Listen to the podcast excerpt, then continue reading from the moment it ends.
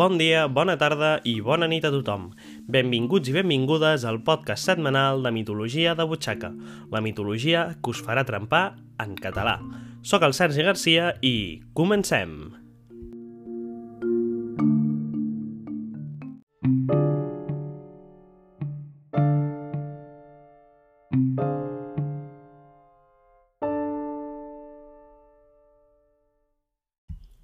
Abans de començar, fem una miqueta de memòria.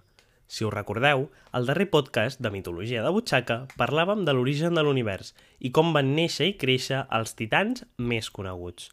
Recordeu també el mite de la falsa pedanyal, una fals que tallarà els ous, col·loquialment parlant, del déu Urà, donant llum a la deessa més vella, l'única que sortint de l'escuma seminal de les onades va portar amb ella mateixa la fantasia de l'amor eròtic.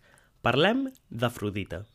Avui serà un podcast bastant curt i parlarem de l'alliberament dels titans i dels inicis del patriarcat de Cronos, una història que es repeteix i que va consolidar les bases del que avui entenem com a mitologia grega.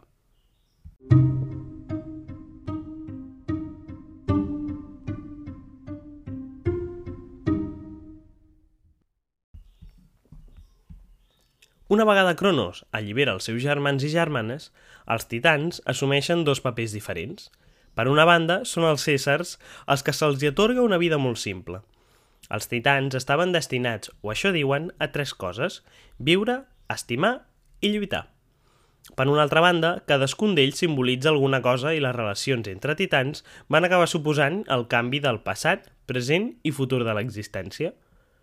Un clar exemple és el de Nemòsina, filla majordurà que simbolitzava la memòria i que acaba, va acabar anant al llit amb el seu mateix nebot, Zeus, donant a llum a les nou muses, protectores divines de la ciència, la història, la poesia i les arts interpretatives. I sí, les quals van cardar també amb el seu pare, Zeus. Com bé podeu veure, està tot relacionat, i és que no acabaríem mai aquest arbre genealògic que mica en mica relacionarà tothom amb tothom.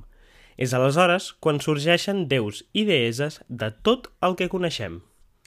Per tant, i per acabar, quedeu-vos amb els milers de deïtats, totes descendents de Gea i Urà, que van acabar personificant els valors, les virtuts i els vicis de l'ésser humà, vividament dramatitzats a la mitologia de l'antiga Grècia.